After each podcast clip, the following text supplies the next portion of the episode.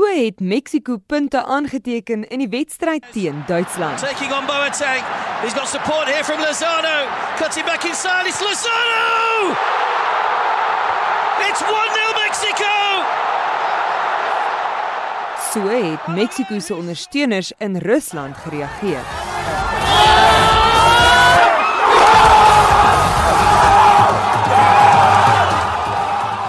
In Mexiko self is daar ook gisterand behoorlik fees gevier.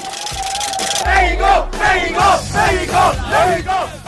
Laat gisteraand het die Instituut vir Geologiese en Atmosferiese Ondersoeke in Mexiko 'n klein aardbewing opgemerk.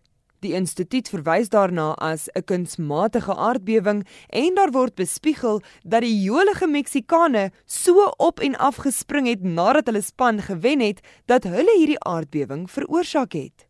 Maar wat presies is 'n kunsmatige aardbewing?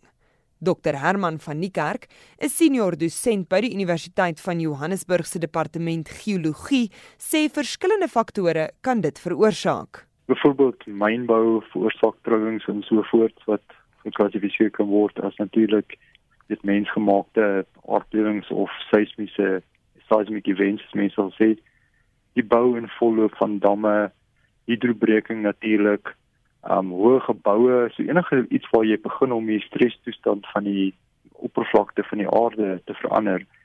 Weet as dinge dan natuurlik herstabiliseer, dan begin jy natuurlik beweging kry en dit veroorsaak seismiese toestande wat natuurlik kunsmatige aardbewings kan wees.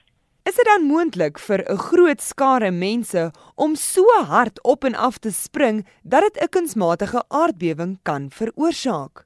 Van die kerk twyfel sterk. Man, ek dink nie regtig dis dit is regtig moontlik nie, maar jy weet as ek net so 'n bietjie agtergrond kan gee van die data wat ons in die hande kan kry.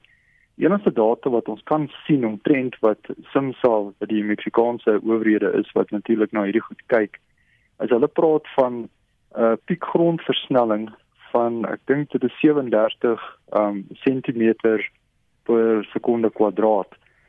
Nou wat dit is is basies net 'n beweging of 'n meting van die beweging van die grond op 'n spesifieke punt. Jy kan dit glad nie van omskakel in iets soos magnetiede momentmagnetiede of rigterskaal of enige so iets nie. So dit beweeg dit meer die beweging van die grond op 'n baie spesifieke plek.